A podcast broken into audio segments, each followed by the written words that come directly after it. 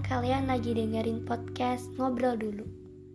Karena ada banyak hal yang bisa diobrolin dulu. Saya pernah menyerahkan hampir seisi dunia saya untuk seseorang yang amat saya sayangi.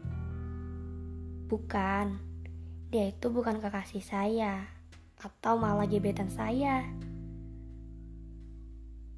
Hampir seluruh hidup saya selama ini berisi tentang dia. Saya masih ingat apa cita-citanya. Dia nggak suka makan makanan yang terlalu berkuah. Dia lebih suka makan makanan yang pedas.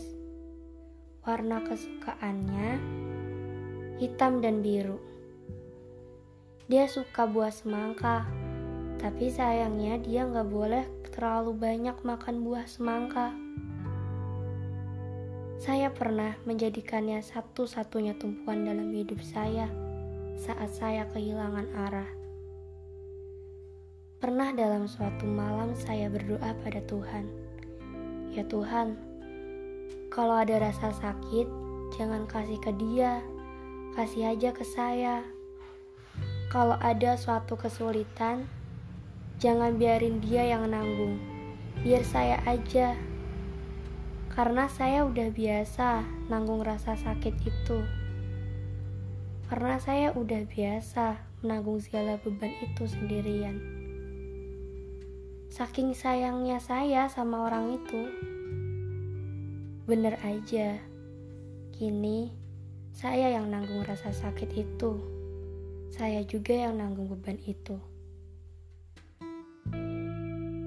Saya telah memberikan pikiran, tenaga, dan bahkan sebagian besar hati saya untuk dia. Dan ternyata itu salah. Sebab saya bukanlah rumah untuk dia. Mungkin benar kami telah bersama selama belasan tahun. Tapi itu nggak cukup untuk menjadikan saya sebagai rumah untuknya.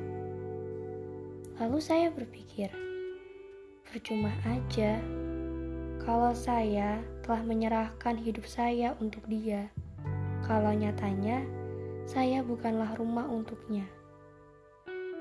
Kalau sudah begitu, ya mau gimana lagi? Tetap saja, saya bukan rumah untuk dia. thank you